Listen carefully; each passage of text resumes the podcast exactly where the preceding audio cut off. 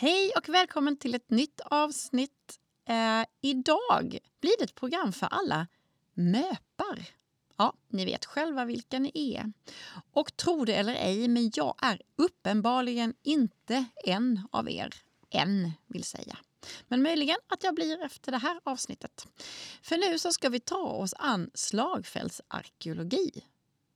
Spännande! Mm.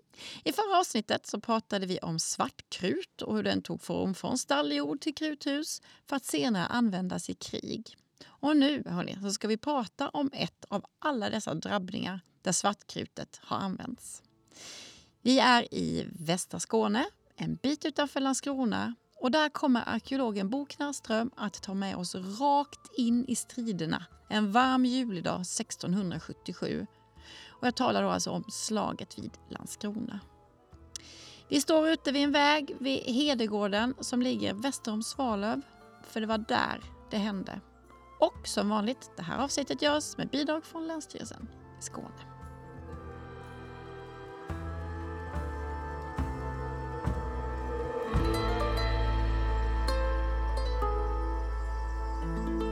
Men jag tänkte om vi skulle börja bara kort presentation av dig. Ja. Bo Knarrström. Ja. Namnet känner man igen, många kanske. En del är sådana möpar som känner igen Om du vet vad möp är? Nej. Militärt överintresserad person. Okej. Ja. Ja. Vem är du då? Om du skulle presentera dig. Eh, Jag, jag har jobbat med arkeologi eh, sedan eh, början av 90, 1990-talet och Mm. Mycket stenålder men sen från och med ungefär 2003 Mm. jag var på en konferens i en konferens i Washington, arkeologi och Ja. upptäckte då att det fanns fyra, fem slagfältsarkeologer som hade en session. Mm. Eh, Då lämnade jag stenåldern bakom mig på säga. Och, eh, på planet hem så skrev jag ner idén om det första eh, slagfältsarkeologiska projektet i Sverige och det är det vi står på nu.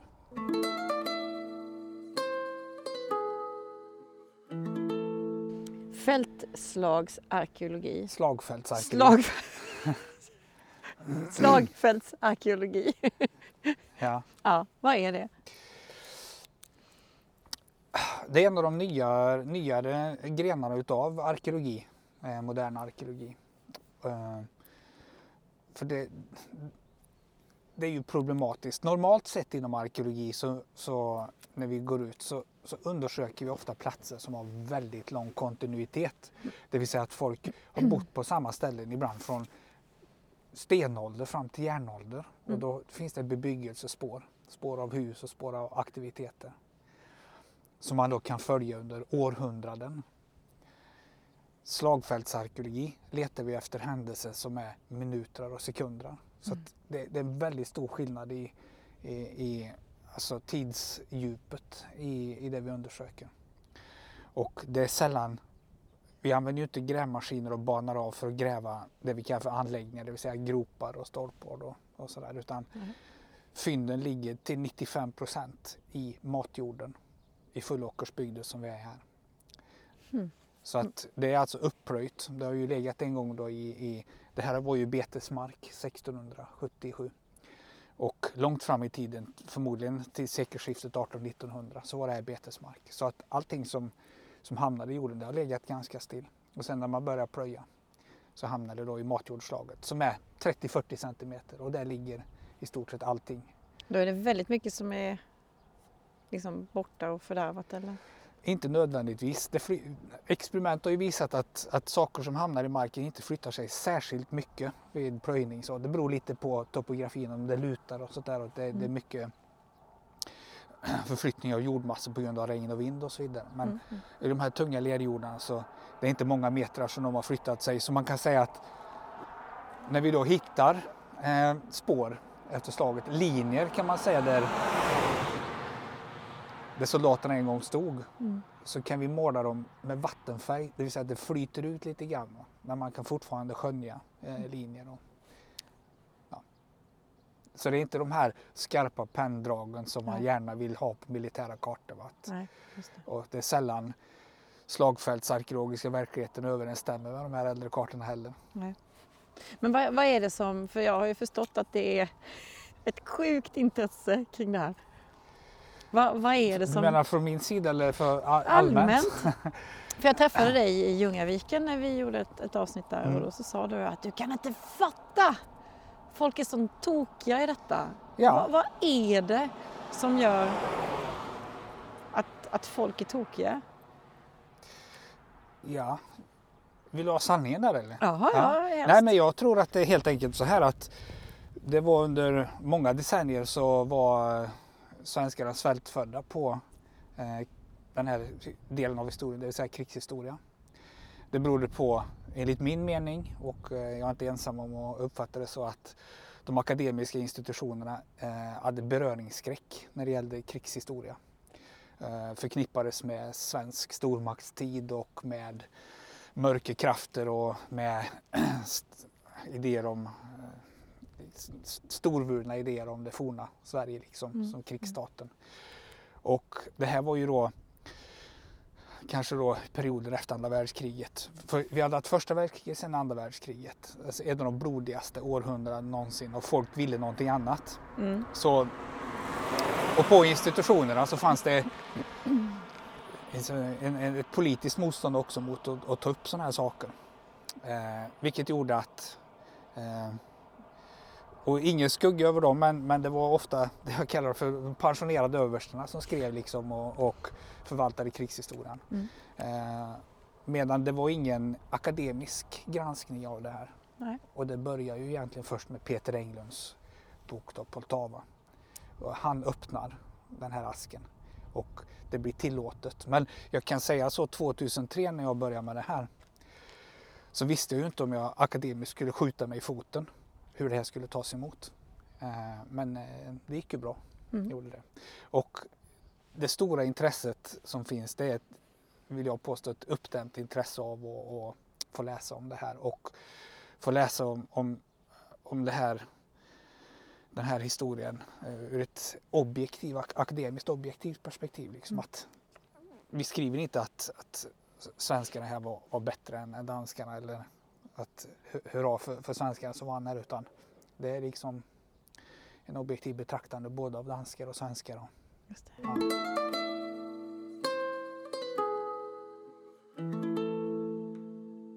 Vad är, vad är det för slag vi, vi står vid? Man, det är lite tyst just nu, man hör inte det.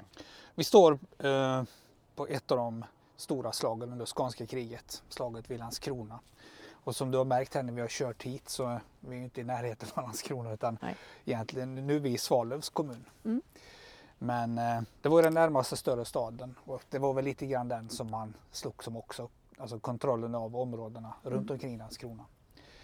Eh, och det vi står och tittar ut över nu det är en, en åker som sen ungefär 100 meter är eh, sluttar ner mot en ganska brant dalgång med en å. Eh, och på andra sidan så ser vi en gård, kanske 300-400 meter bort. Där stod Karl XI på morgonen den 14 juni eh, på höger flygeln av den svenska armén som var på väg att gå över den här dalgången.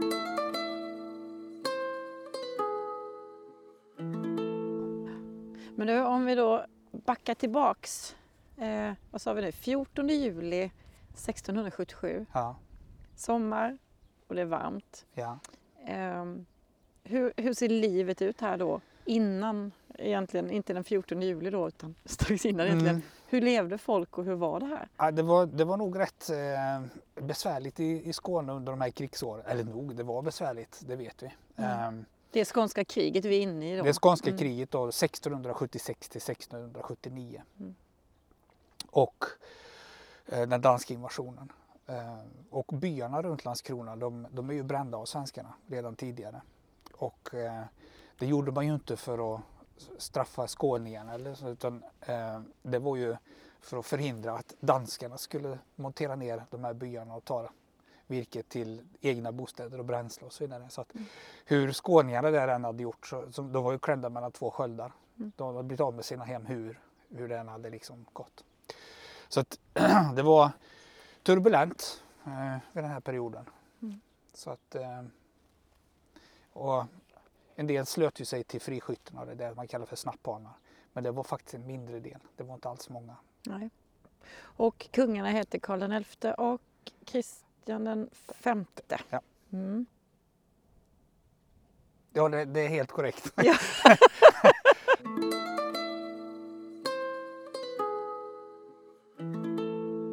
Det är ju så att, att danskarna, när de landstiger de, sen 1658 eh, och det var någon som, som döpte skåningarna till Roskilde-svenskar, alltså en historiker. Så jag tycker det är ett jättebra namn. Eh, att Varför de, det? Nej men att de, de var inte riktigt svenskar sen 1658. Det tillhörde Sverige Mm. på pappret och, och geografiskt men, men, eh, och juridiskt men, men det var ju inte riktigt Sverige. Och det kan man också se i, i korrespondenser och anteckningar från svenska ja, det är kungen och det är general Aschberg så här att man beger sig hem till Sverige från Skåne skriver man. Så att Skåne är som en, en provins som inte riktigt är där på plats ännu. Ja, och de som, de som bodde här, hur kände de? Vem kände de sig som? Ja, det där är otroligt intressant. Ehm, Jag var uppe i Osby vid något tillfälle med en kollega och skulle hålla föredrag om snapphanar och friskyttar. Mm. Och eh, jag sa det till min, min kollega att jag undrar om vi kommer hem i kära och fjäder. Ehm, För att det är inte så svart och vitt som man kan tro. Det var många i Skåne som fick en helt annan tillvaro från och med 1658. Det vill säga att de blev juridiska personer. För bönderna var inte representerade i danska riksdagen som i Sverige.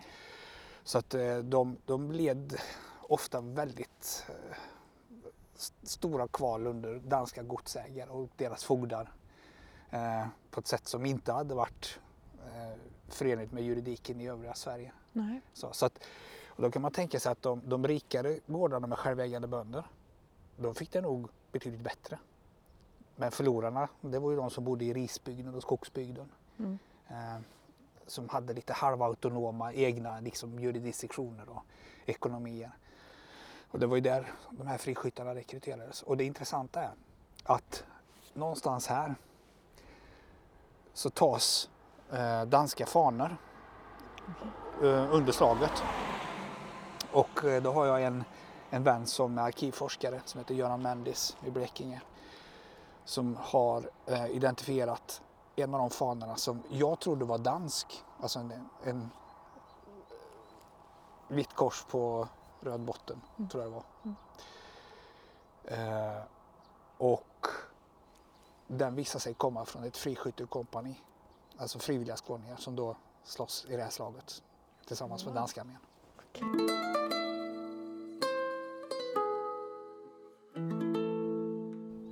Ja, idag är det inte så varmt, men vi vet att den 14 juli eh, 1677 så var det Ja, högsommar och ja. värme.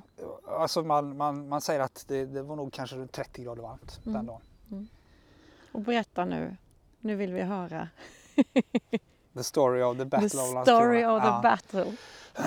Nej men det är så att svenska armén kommer i gryningen fram till den här åskanten på andra sidan dalgången. Och eh, bakom oss så har vi ju Rönneberga backar som är ett, ett mycket, en mycket stor höjdsträckning här där man hade sett danskarna vara grupperade. Och Karl XI han hade krävt av sina generaler att man skulle ta sig fram och storma upp för de här backarna. Och danskarna var numerärt överlägsna med kanske ett par tusen man, 3000, 4000 man. Generalerna visste ju det här, den militära eh, eh, regeln att står du på en höjd så har du tre till ett, det vill säga att varje soldat är värd tre soldater om du har ett höjdöverläge i styrka. Och då visste jag att det var ju dömt att misslyckas. Eh, Karl XI fick ett vredesutbrott. Han hotade att ränna värjan genom den som sa emot honom och att han själv skulle, om det bara fanns så en enda soldat kvar, så skulle han storma upp för de här backarna. Så det här sista stabsmötet var nog mindre lustigt för generalerna. Så Bjelke, Ascheberg och kompani, Gyllenstierna. Så att eh, de gick nog tunga till sinnes liksom eh, tillbaks till sina, till sina förband. Ehm, men på morgonen här så, så inser man att danskarna är borta. De har under natten lämnat de här ställningarna uppe på Rönneberga backar. Och då kan man undra varför. Och det är väl ingen som riktigt vet men det troligaste är att eh, den danska krigsledningen idag inser att inte ens Karl XI kommer att anfalla om de står där uppe. Utan de vill möta svenskarna och de vill faktiskt besegra dem i ett, ett fältslag efter att ha fått stryk då, både i Fyllebro utanför Halmstad 1676 och även då i Lund lite senare på året. Så nu, vill de vinna ett fältslag så att antagligen är det därför de går ner. Och man brukar ju säga att Skåne är platt, så, men det är ju inte det. Nej, Det, det är det väldigt böljande terräng och eh, lite västerut här bakom några hus som vi kan se framför oss här eh, så har vi en, en svacka i terrängen. Mm. Och det kan alltså dölja en armé på 12-13 000 man. Eh, Det är sådär som man ser på film, när de, man ser att det kommer liksom lite guppande ridande på hästar så växer de in i bild. Liksom. Ja precis, men där, där hade danskarna då helt enkelt ställt sig Mm. och, och grupperat sig Mm. och väntat på att den svenska armén skulle gå förbi så att de kunde då slå dem i, där man säger, slå dem i flanken från sidan. Och det hade ju blivit en katastrof. Så att general Ascheberg som är då Karl XIs förtrogne, han rider ju ut på spaning hela tiden. Han var förmodligen sjöblöt av för han, han red som en skottspore här och försökte liksom i förväg hitta den här danska uppställningen.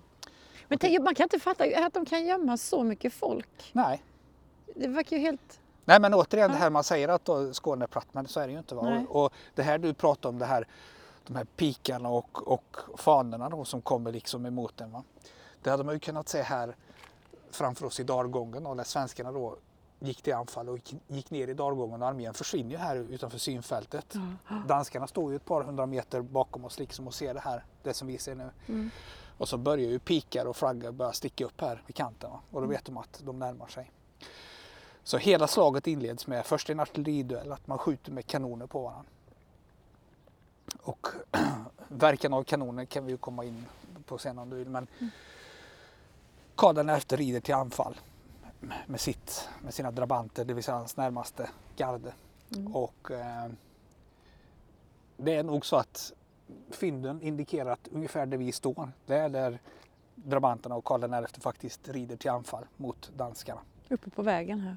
Ja, Mm.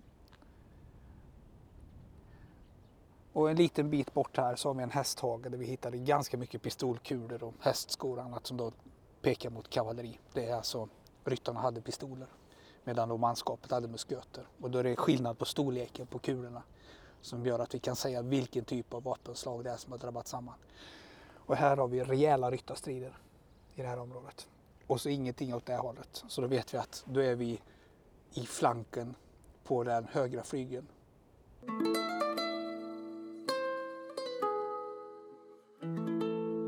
Slaget här inleds med eh, det här man- kan tycka vansinniga anfallet av Karl XI som kommer först upp med drabanterna på sina bra hästar och dönar rätt in i danska uppställningar som är numerärt överlägsna och försvinner alltså, uppslukas av det här danska rytteriet.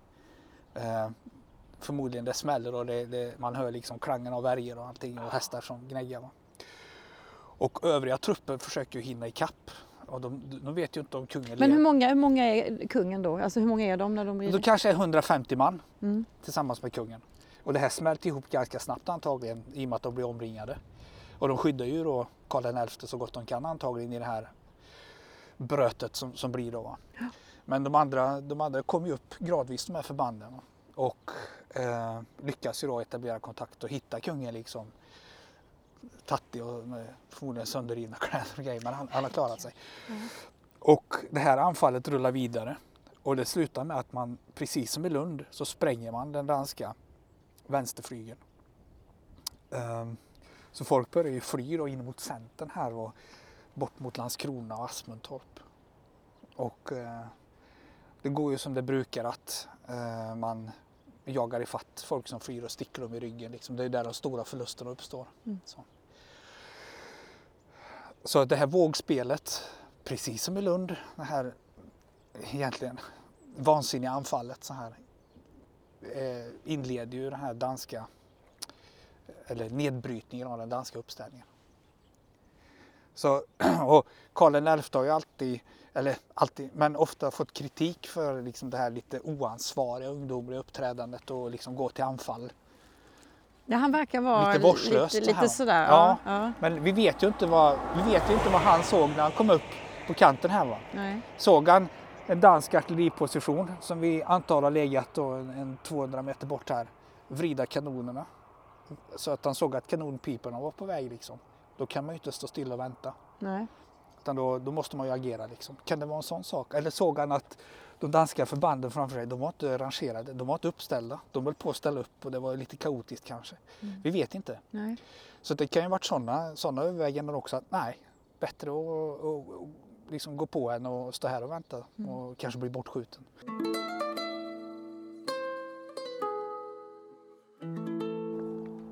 Vi pratade ju om de här att man har då sin, sina flyglar. Så. Ja. Det var alltid finare att vara på högerflygeln. Ja.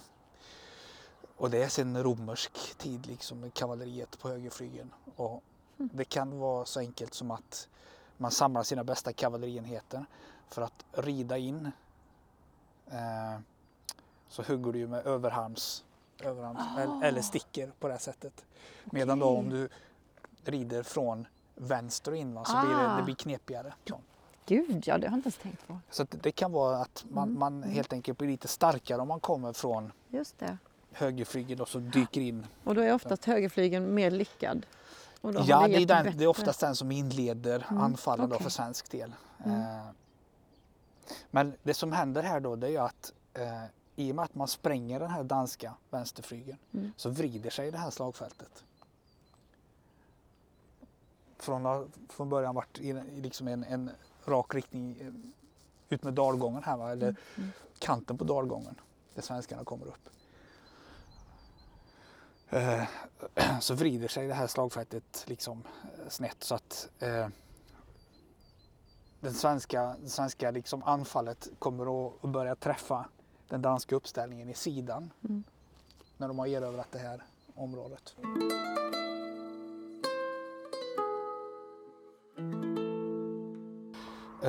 På danska högerflygeln som leds av Kristian V och hans bror så har de samma framgångar som Karl XI har på den här sidan av slagfältet. Så att eh, man kan säga att, att slagfältet vrider sig liksom runt, runt Ja en, just en det, det mitt- blir mitt- alltid tryck i Ja, liksom. precis. Ja, ja, ja, ja. åt, åt varsitt håll. Då. Mm, mm. Och eh, ehm, här eh, ut med den vägen vi tittar på här nu eh, som går i en sydlig riktning Mm. så utkämpades då de hårdaste infanteristriderna.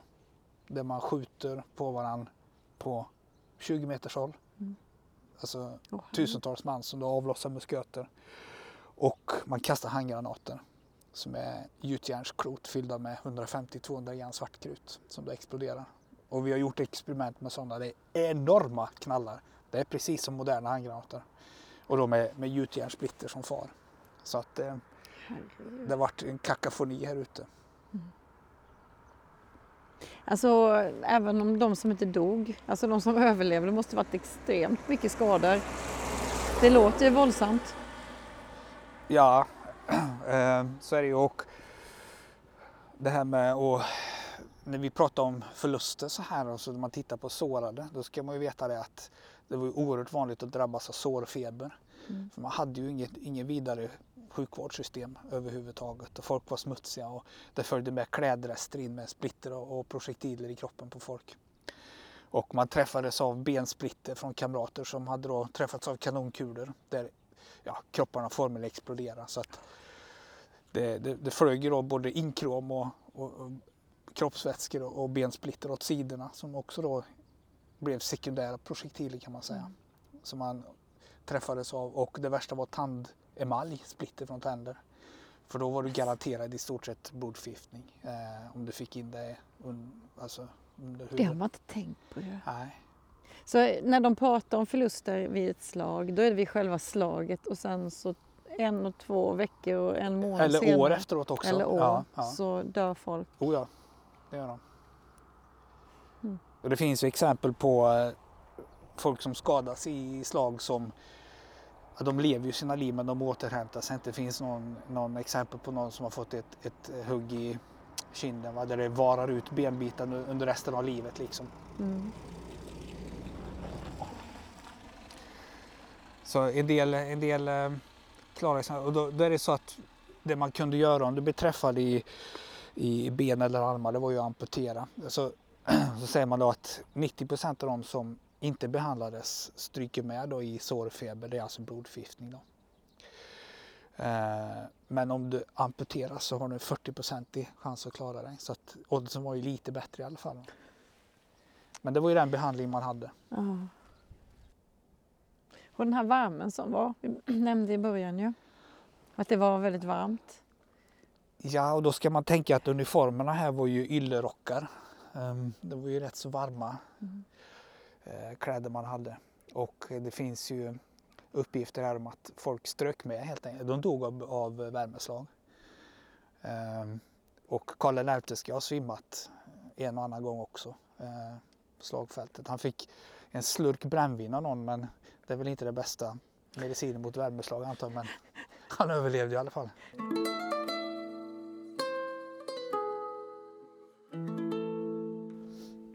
På tal om det, alltså att han överlevde. Om, du nämnde ju i början att han att de tog första stöten, bland annat kungen. Ja. Om, han inte, om han hade strykt med?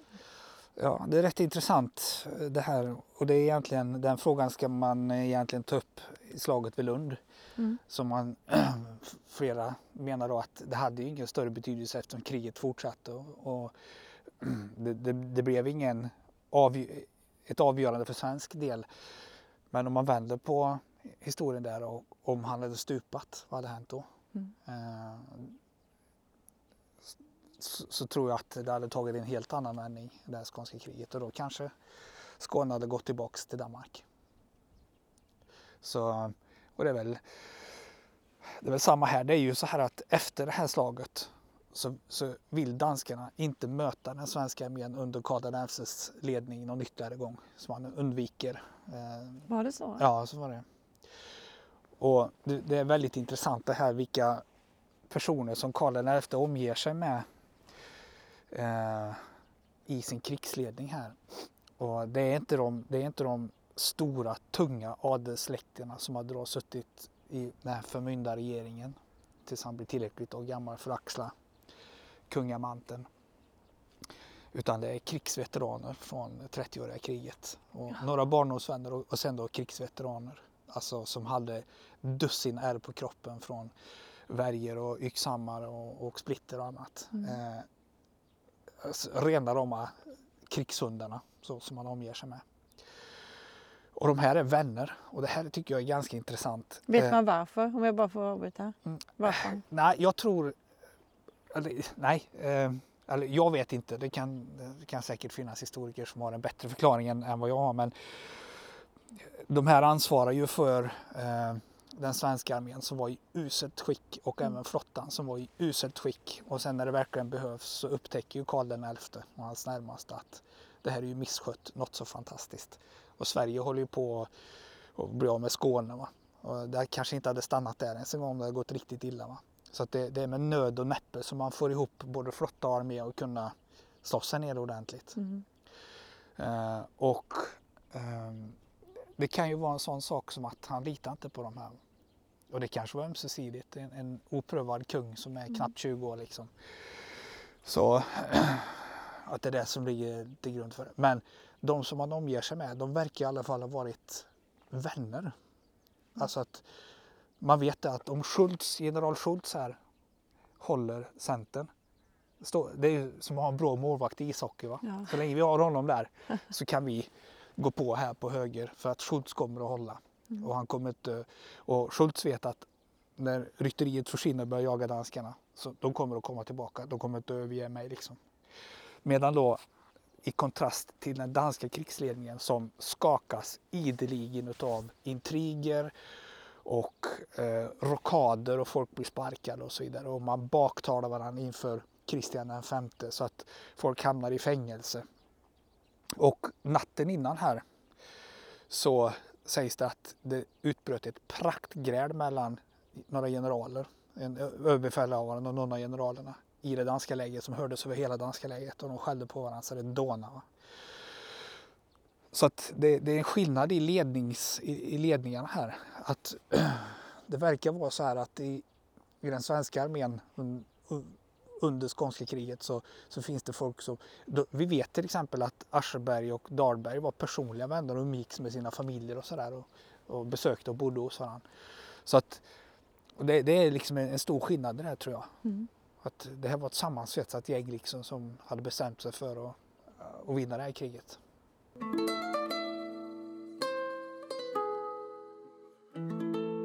Där är höjden ju.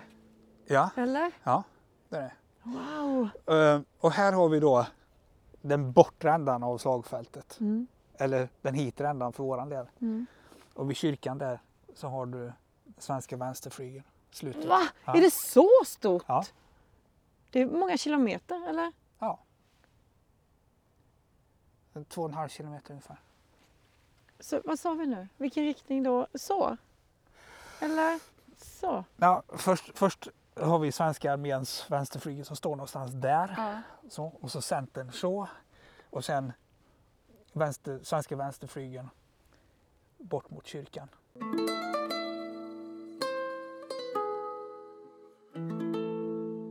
Nu står vi på eh, andra sidan av den här slaglinjen som där vi började då på svenska högerflygeln, danska vänsterflygeln.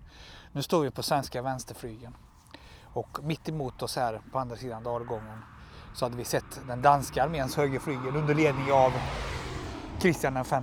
alltså där uppe vid gårdarna? Ja, precis. Där uppe på ja, kanske 400-500 meter bort här. Och här följer striden samma mönster som på svenska högerflygeln. Men här är det danske kungen som då går till anfall. Och den svenska linjen då som har korsat ån här nere och kommit upp på andra sidan trycks tillbaka och börjar slå sönder av jättetunga danska kavallerianfall. Så förbanden börjar splittras och liksom trycks neråt och får ta sig över den här ån här nere. Och den, dan, den, den svenska arméchefen här, han heter eh, eh, Grunden Hernfeldt. Eh, fältmarskalk. Han ser ju det här mm. och tänker jag måste stoppa det på något sätt. Så han får med sig en eller två skvadroner och rider i full kareta eh, upp mot där gårdarna ligger där för att bromsa det danska anfallet. Han får hästen skjuten under sig och fastnar i stigbyggnaderna och får, fastnar under hästen. Och han kommer inte loss. Och då är det en dansk eller tysk löjtnant i dansk tjänst som helt enkelt går fram och sticker honom i halsen, tar död på honom. Så då stupar den svenska eh, arméchefen här på andra sidan. Så det ser ju relativt mörkt ut då och danskarna har framgångar. Men eh, då har vi gjort arkeologiska undersökningar och så nere i dalgången så finns det ett impediment som idag det är lite småträd och buskar som växer. Och det är sten som sticker upp, det är bergdagen där nere. Mm. Och på andra sidan ån så har vi sett att det har skjutits med olika typer av vapen. Det är ryttarkabiner, och musköter, och pistoler och allt möjligt som används. Och då har vi tolkat det som så att där nere tycks svenska överlevande och, och rester av sönderslagna kompanier och, och eh, man pratar om skvadroner och kompanier så beror det på vilket vapenslag det är. Så infanteri ja. så är det kompani mm. och är det motsvarande i kavalleriet så är det skvadron. Så att överlevande från skvadroner och kompanier, alltså blandat då med mm. musköter och ryttarkabiner och pistoler, som har samlat sig där nere tycks det som och sen slagit tillbaka danska anfall.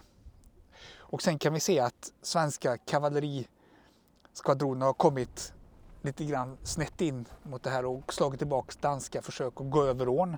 Vi har hittat hästskor som är vridna runt sin egen axel vilket betyder att man har kastat om hästarna ganska kraftigt. Du som ryttare förstår vilka krafter som måste till för att mm. liksom, vrida en, en hästsko runt sin egen axel. Så, mm. så att, eh, hårda strider här nere men man lyckas alltså bromsa eh, danskarna. Det är inte som Karl XIs anfall att man spränger hela flygen och, och jagar dem på flykten utan nej, det är segt här nere.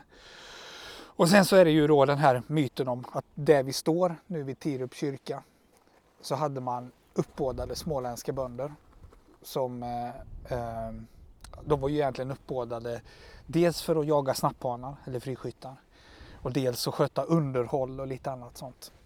Och att de stod här Och det kunde ha varit kanske så många som 3-4 tusen, vi vet inte riktigt. Men det var en ansenlig mängd. Och att man såg det från andra sidan och bedömde att det kunde vara svenska förstärkningar. Hur det är med den saken, det, det vet jag inte. Det kan vara en myt. Men det kanske bidrog till, till att man inte fortsatte från dansk sida. Jag vet inte. Här tror man ju då på dansk sida att nu har vi nått en framgång. Vi är på väg att vinna det här slaget. Man vet ju inte att man har dödat den svenska arméchefen, att Nej. ligger där liksom, och, och blöder ihjäl. Utan man kan bara se framför sig att jo, men, eh, man har ju slagit de svenska förbanden här. Och det man då inte har upptäckt det är att vänsterflygeln är, är krossad. Den egna vänsterflygeln. Och många av dem är på väg bort mot Landskrona. Eh, den svenska centern och centern då med infanteriet har börjat svänga också. Schultz. Schultz ja. Ja.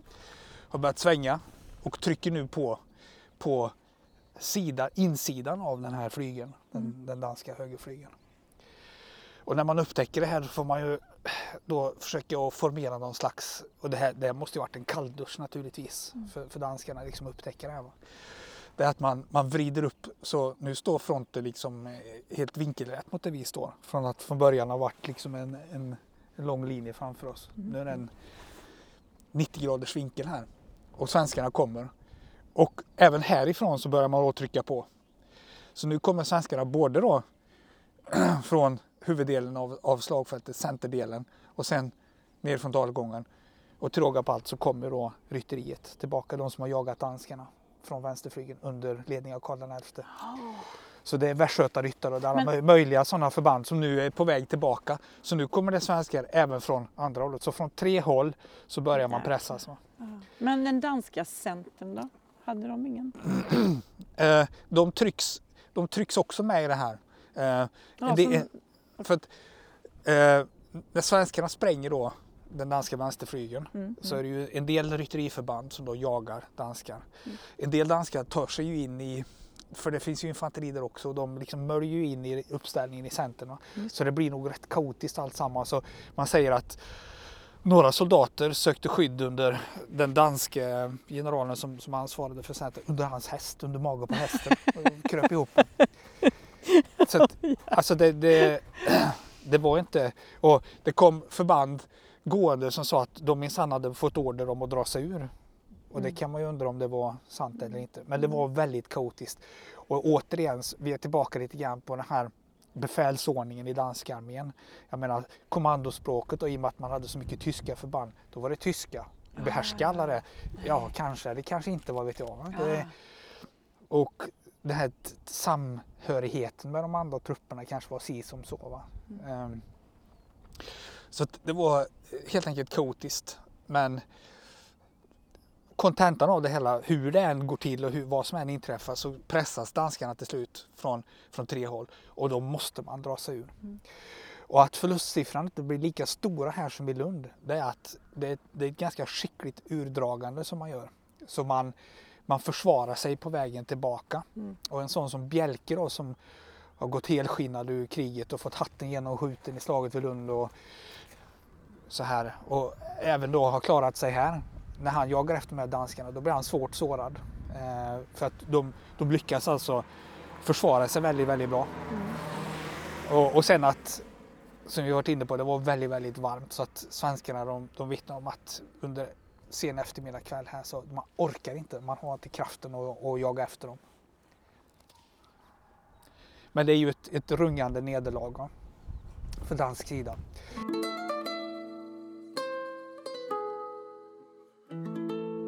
Och då kan man undra så här, de, de, de hade bra vapen, de hade bra underhåll, eh, de var Vilka pratar du nu? Danskarna. Danskarna. Ja, Mm, mm. Eh, de hade ju egentligen allt som talar för sig, förutom då kanske ledningen. Men sen då finns det en händelse här eh, ungefär någon månad innan som är av, av mycket stor vikt och det är den danska belägringen av Malmö.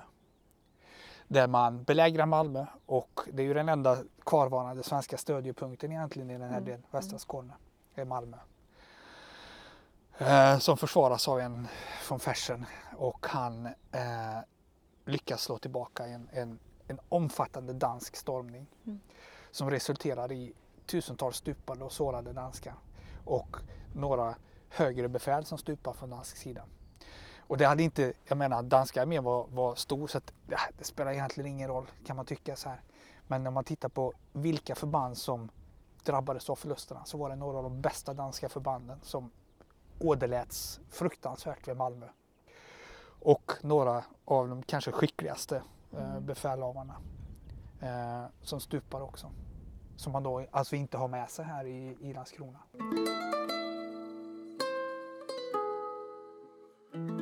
När jag, när jag står här lite så här nu och vi Mm. pratar om ett slag och det är, det är här utanför Landskrona och det är Malmö och det är lite så, så faller tanken lite som till Ukraina. Mm. Det är någonting vi nu sitter här med i soffan och, och följer. Att nu har de intagit där ryssarna och nu är de starka där och det är dittigt och så. Va? Just att när det är ett krig som pågår under lång tid, att det, att det måste påverka de som är med. Alltså soldater och allt så. Så, Eh, så är det ju. Man, man kan ju fundera på motivationen här liksom men då är det ju så att i svenska armén eh, så rekryteras ju eh, soldaterna eh, ur samma socknar, alltså de står Mm. tillsammans. mm, Och det är ju omvittnat då eh, från genom hela den moderna krigshistorien att vad slåss soldaterna för egentligen så? Jo, man kan ha då en, en motivation som ukrainarna idag va, att äh, man försvarar liksom eh, sitt land och sitt, sina hem och sina familjer. mm, Finländarna under vinterkriget likaså. Va? mm, Det var en stark motiverande faktor. Men den absolut starkaste motiverande faktorn till att folk faktiskt håller ut genom massa gräsligheter och, och umbäranden med väder och vind och svält och kyla och vad det nu kan vara. va. Det är, det är kamraterna bredvid. mm, Så. Och är du då rekryterad, du kommer från samma socker, det är dina barndomsvänner, det är dina Mm. kusiner, det Mm. kanske är brorsan. Och de står bredvid dig och du lämnar inte dem och du Nej, sviker dem inte. nej, nej. Och det är den absolut viktigaste faktorn. Medan Okej. om man tittar på den danska armén som i mångt och mycket var uppbyggd av, av eh, alltså inhyrda mm, eh, förband liksom. Mm. Som kanske inte hade den här sista det här sista stinget av den motiverande faktorn i det här. Att hur mycket ska man offra egentligen för det här? Så plus att jag tror att en viktig, viktig del är den svenska ledningen också. Mm. Att, att man har förtroende för sina chefer. Liksom. Mm. Det, och jag undrar hur mycket förtroende danskarna hade efter att ha hört det här liksom, praktgrälet. Mm. Och man Ja, vet att det är precis. intrigerande, man vet Ja. att de här befälen de gillar varandra inte. Liksom. Nej. Så. Men det där är ju väldigt svårt och det, det, det, det är ingenting vi kan mäta idag. Liksom. Det blir ju bara spekulationer men, men någonstans så grund, alltså grundläggs ju de här svenska segrarna eh, mot alla odds som i slaget vid Lund. Det Mm, hade man ju verkligen oddsen emot sig. En Mm. uthungrad sjuk armé som har förlorat 40 procent av sitt manskap Mm. redan innan slaget börjar. Och ändå vinner man. Mm. Man säger ju hungriga vargar jagar bäst liksom. Så kanske, jag vet inte men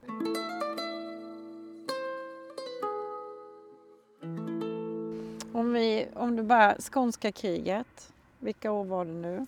sex- 1676 till 1679. 76 men det är ju så att 79. Det börjar ju 1675 och det utkämpas ju slag eh, på kontinenten nere i Tyskland Mm. innan också. Mm.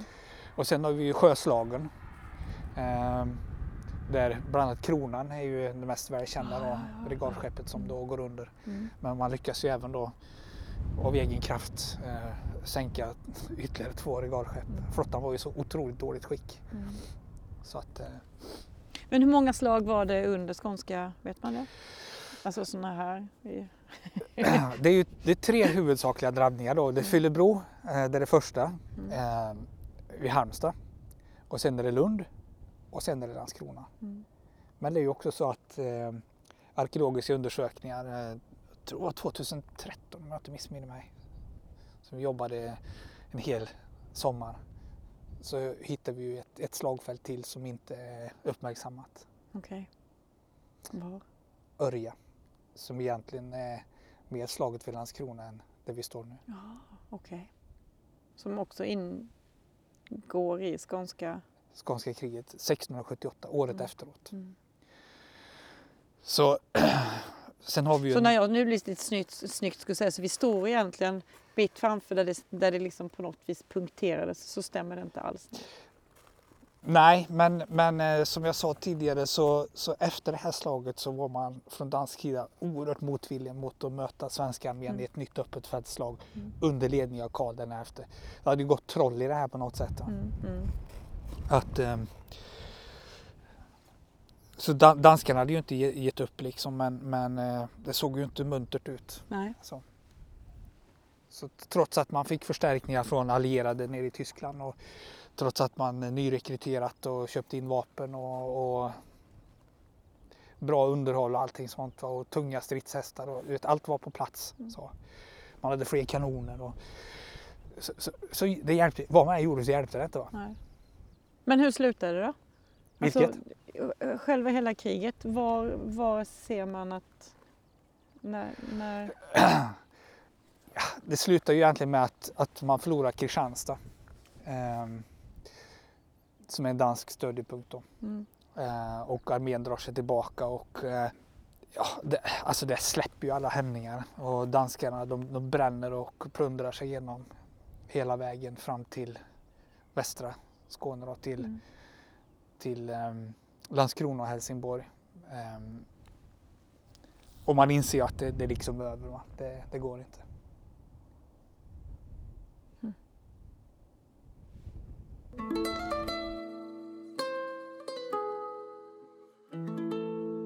Fortsätt. Men, men som här nu då, nu var det svenskarna som Anföll. anföll. Ja. Ja. Alltså, var det på något vis bestämt innan eller är det bara att nu till slut blir någon otålig och orkar inte vänta? Alltså, Mm, ja, nej, men det där, det, där är, det där är intressant för att den här offensiva doktrinen som karaktäriserar framförallt generationen som kommer efter Karl XI. Mm. Det är ju Karl XI och hans förtrolige eh, general Ascheberg som bygger upp den karolinska armén. Mm. Som helt och hållet bygger på offensiv doktrin. Alltså det, det finns inget annat än framåt. Nej. Och eh, det ser vi ju här i skånska kriget att här finns ju embryot och innan slaget vid Lund så skriver eh, general Aschberg en, eh, ett litet promemoria, ett litet reglemente så att, att eh, ryttarpistolerna får inte avlossas förrän man ser fienden i vitögat och anfallen ska ske med blanka vapen. Och det, det, Vilket betyder? Ja, det betyder att innan eh, skånska kriget här så Mm. var eh, det vanliga för rytteriet det var att rida fram, skjuta sina ryttarpistoler och sen vika tillbaka i snygg och prydlig ordning. Mm. Tillbaka till eh, en plats i ett bakre led där man laddade om. Och sen när det var dags och man hade laddat om så red man fram, skrittade fram så här, drog sina pistoler, sköt och sen vek tillbaka. Men den svenska eh, anfallet i slaget vid Lund ändrar ju helt på det här. Man drar inte sina ryttarpistoler och motståndarna står ju och väntar liksom på att när kommer den här karakoleringssalvan, det heter karakol det här sättet att strida på. Men det kom ju inte utan de här svenska ryttarna, de hade ju sina värjor och de brakade ju rätt in i uppställningarna och där drog de sina pistoler och sköt folk. De kunde ju sätta pistolerna i, i liksom kroppen och det här var ju någonting som hade börjat introduceras under 30-åriga kriget egentligen, under Mm. Gustav II Adolf. Och tittar man på en av hans, eller den här rocken som han bar när han då stupade vid Lützen, så ser man ju kulhår och man ser också krutstänken runt kulhåret och då inser man att någon har liksom satt pistolpipan i sidan och tryckt av. Så nära var det liksom. Så att det här, den här offensiva doktrinen ehm, grundläggs på något sätt under 30-åriga kriget, kommer ut i full blom egentligen under skånska kriget Mm. och sen blir då en, en, en eh, grundbult i den karolinska armén sen under Karl XII. Och då kan man tycka så här, svenskarna som i stort sett alltid var numerärt underlägsna. Alltså, varför ska de gå till anfall? För vi, man ska ju ha 3 till 1 sådär. Men då visade det sig att det var egentligen det enda sättet som man kunde klara sig på. Mm. Nämligen snabbt ta sig igenom de här det var ju linjer av tusentals muskötskyttar som står och väntar och de skjuter. Och då, då kunde man ju liksom inte gå fram med de här svenska numerärt underlägsna linjerna och ställa sig och skjuta tillbaka och sen vänta på nästa salva och sen i det här utnötnings... Det blir ju som svält räv till slut. Va? Mm. Och den som har mest folk kommer ju att vinna och det var ju aldrig svenskarna. Så vad man gjorde då det var istället för att stå där och vänta så rörde man sig snabbt över slagfältet, tog sig in på närstridsavstånd, sköt på väldigt nära håll och åsamkade då oproportionerligt mycket större förluster. Mm. Så att eh, ehm, och det är det vi ser i, i det skånska kriget också. Det är så de vinner de här slagen.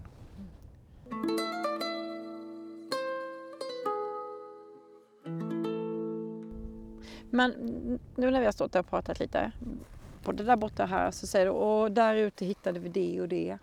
Eh, när var det ni hade gjort arkeologiska utgrävningar? Eh, vi började 2003 och så fortsatte det i mån av, alltså att det var ju forskningsmedel som Mm. jag fick söka. Va? Så i mån av medel så, så fortsätter vi ett par säsonger. Ehm, Men hur går det till? Hur gör du då? Mm, då eh, vi hade ju ingen bra metod från början utan vi utvecklade en metod här. Eh, med att vi mäter ut med digitala instrument sökrutor. Mm. Då sätter vi ut rutor så här och så går vi dem På 100 kartan menar du? Ja, i, i terrängen så. Fast i man terrängen. smäller käpp, Mm. Jag menar, sitter ni ner först och tittar? Var var de? Var potentiellt bör? Eller? Ja, alltså det, det här är ju, det här är ju eh, problemet med de här gamla kartorna och Mm. monumenten som du, som du nu såg att vi har kört ganska många kilometer bort från Mm. monumentet som markerar slaget. Utan då, då är det ju liksom att man, man, man tittar på vad skriver folk liksom? Hur var det? Vad, vad, vilka vattendrag gick man över? Vad är det som är kulverterat idag? Hur Mm. har det här odlingslandskapet omformat terrängen? Och så får man då läsa terrängen och försöka lista sig fram till vart det var någonstans. Jag menar, Mm. jag jobbar ju på Poltava. Vi höll ju på veckor. Vi hittade ju inte det här jävla slagfältet. Vad sa du? Bilen körde förbi. Vi hittade inte. Sa, vi hittade inte det jävla slagfältet. Nej. För, alltså, det, till slut hittade vi det, men, Ja, men ja. det borde ju vara så uppenbart. Jo, men här är det va. Mm. Men kartorna, det, det stämmer ju inte va. Nej, nej. Så att, eh, jag brukar säga liksom, bara vi vet vilken socker vi ska börja i så får vi liksom börja där och sen eh, och det, det finns ju fler lysande exempel. Jag har en kollega som jobbade på Länsmuseet i Jönköping som hittade en batalj från 1500-talet mitt, mitt i skogen i ingenstans utifrån att själv ha varit och gått och tittat på uppgifter. Liksom, så här såg det ut enligt den danske befälhavaren och så här beskrivs det från svensk sida. Och så har han gått de här skogsvägarna liksom, och, sen, och lyckats hitta det. Wow. Ja. Så eh, det är metoden. Va? Och sen söker man sig fram genom att man undersöker de här sökrutorna med metalldetektor. Mm. Mäter in om det kommer några fynd. Tittar på tätheten. Ser hur man börjar närma sig. Och så till slut så inser man att nu står vi mitt i smeten. För här har vi då handgranatsfragment. Och de kastar man inte mer än kanske 25 meter. För de är så tunga. Så att där det ligger hand- handgranatsfragment, då har vi linjer som har stått öga mot öga. De har sett ögonbitarna på varandra. Men är det så att ni går med metalldetektorn och så pip, pip, pip och så grä- punktgräver ni då? Mm. Eller? Ja. Precis så. Gud vad spännande. Ja.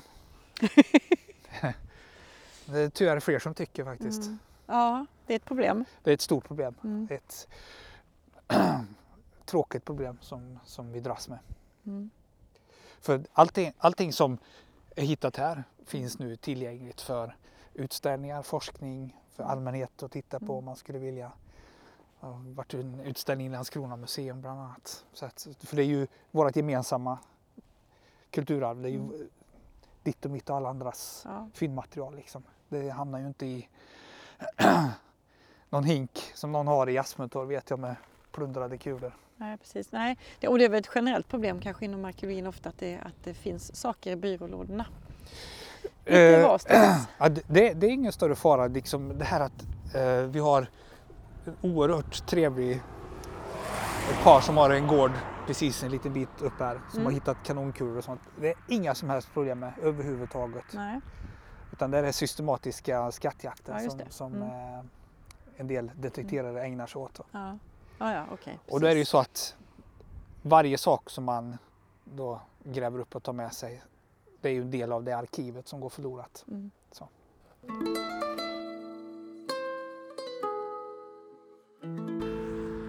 Vad har man, om man ställer den frågan då? Alltså vilken nytta har vi av, av de arkeologiska undersökningarna, den här forskningen? Var, varför, varför är den viktig? Ja, varför gör vi någon arkeologi överhuvudtaget? Det är ju, jag menar när vi undersöker stenålder och sånt, det, det, det är ju ingenting som hjälper oss i... Det, det eleverar ju ingen övrig vetenskap med Nej. egentligen. Utan det, det är väl nyfikenheten som vi har. Jag Mm. menar, vi kan gå in på ett bibliotek och låna, någon har ägnat tio år åt att forska på myrsamhällen till Ja. exempel. Är inte det underbart? Så. Och, men, men tittar vi så här his, hur historien används, Mm. det här att vi faktiskt försöker kartlägga så gott det låter sig göras. Mm. Både den allmänna historien och krigshistorien. Titta på hur historien används nu av, av Putin i Ukraina. Liksom, med någon hem, hemmagjord, hemmavävd liksom, historieförfalskning Ja, som ja. då appellerar till de stora massorna i Ryssland. Mm. Tyvärr. Mm. Liksom. Mm. Så det kan väl ändå kännas rätt okej att ha lite mer på fötterna när man Mm. diskuterar de här sakerna. Och då är det ett, ett skärv till kunskapen är och slagfäst arkeologi. Mm. Det är otroligt spännande. Ja, visst är det. Och, och en sån här berättelse som du har gett här nu. Som sagt var, jag är helt grön när det gäller det här så att jag man bara slagit hit och slagit, man har ju läst i skolan liksom. och Slagit hit och slagit Mm. dit. Men och det är eh, ganska törligt att lyssna på en sån här. Att få det upp, uppmålat så här. Och att, man, och att ni har fått sån grepp på det genom... Eh, Jo men jag säger, åt, jag säger återigen det att, att det är den bilden vi har nu och Mm, mm. förnyade större undersökningar kanske kan förstärka vissa, vissa tolkningar som har gjort att jo men det där hade de nog rätt för sig och andra så kan de Mm. visa att nej men så, så, så var det nog ändå inte. Va? Och Mm. som sagt det ligger i forskningens natur och det är så det ska vara liksom. Mm. Man kan bara hoppas på att, att eh, det fortsätter. Men det är ju problematiskt. Fornlämningstypen slagfält är problematisk i så mått att som jag sa så ligger fynden i matjorden Mm. och enligt den idiotiska svenska lagstiftningen som är eller hur den uttolkas, jag vet inte om det är hönan eller ägget här, så eh, är fynd i matjord utan anläggningar under, det vill säga manifesta spår i, i eh, marken under Mm, matjorden. mm. Finns det inga sådana så är den egentligen inte skyddad, nej. vilket är fantastiskt korkat. Ja. Ja, vad hemskt. Ja. Så det, att, det, att det här ligger eh, så intakt som det gör, det beror ju på att som du ser så är det inte mycket infrastruktur. Nej, Så kan man jämföra med Lund som är i stort sett överbyggt idag. ja just det. Och det. Helsingborg likadant, det finns Mm. ingenting kvar nästan. Nej. Utan då att det har gjorts några arkeologiska insatser. Det är så. Och de arkiven är, är för alltid borta liksom. Men du, Mm. en sista jätteintelligent fråga. Ja. Jag vet att du har fått den förut. Varför är det så kul med krig? Nej men eh, om, man, om man tänker så här att det finns ju forskare som ägnar sig åt ebola till Mm. exempel, virusjägare. Och så frågar vad är det som är så kul med ebola? Mm. Och ingen av de här forskarna skulle ju själv vilja drabbas av ebola eller se någon annan drabbas av ebola heller. Men det är ju den här viljan att ta reda på mer. Mm. Så. Och sen så är det ju kanske så här att eh, krigshistorien det är ju som det grekiska dramat. Det är liksom det är otrolig dramatik och det är svart och vitt och det är Mm. Mm. saker ställs på sin spets. Ehm, vi kan ta Skåne som exempel att från en dag till en annan så, så är det hundratusentals människor som befinner sig i en helt annan nation Mm. med helt annan valuta, Mm. helt annan kyrko, eh, alltså helt annan kyrka. va. Så att det, det, det är förknippat med så oerhört mycket dramatik Mm. och det, det väcker ju fortfarande känslor idag om man tittar på områden som då är historiskt, anses historiskt viktiga och tillhör, alltså att, som då Ryssland som anser att de har överhöghet av Ukraina som då Mm. inte ska ha sin egen historia eller storserbiska drömmar om hur det var en gång på, på medeltid och så vidare i all oändlighet. Va? Mm. Så ehm, ja, det väcker ju känslor liksom, det gör det. Och sen så det, det är ju det här dramatiska, det är ju på liv och död. Så, Ja, vad spännande. ja. Tack säger jag. Tack säger jag. för eh, den här lektionen. Helt nytt för mig. Ja. Vi kanske syns igen.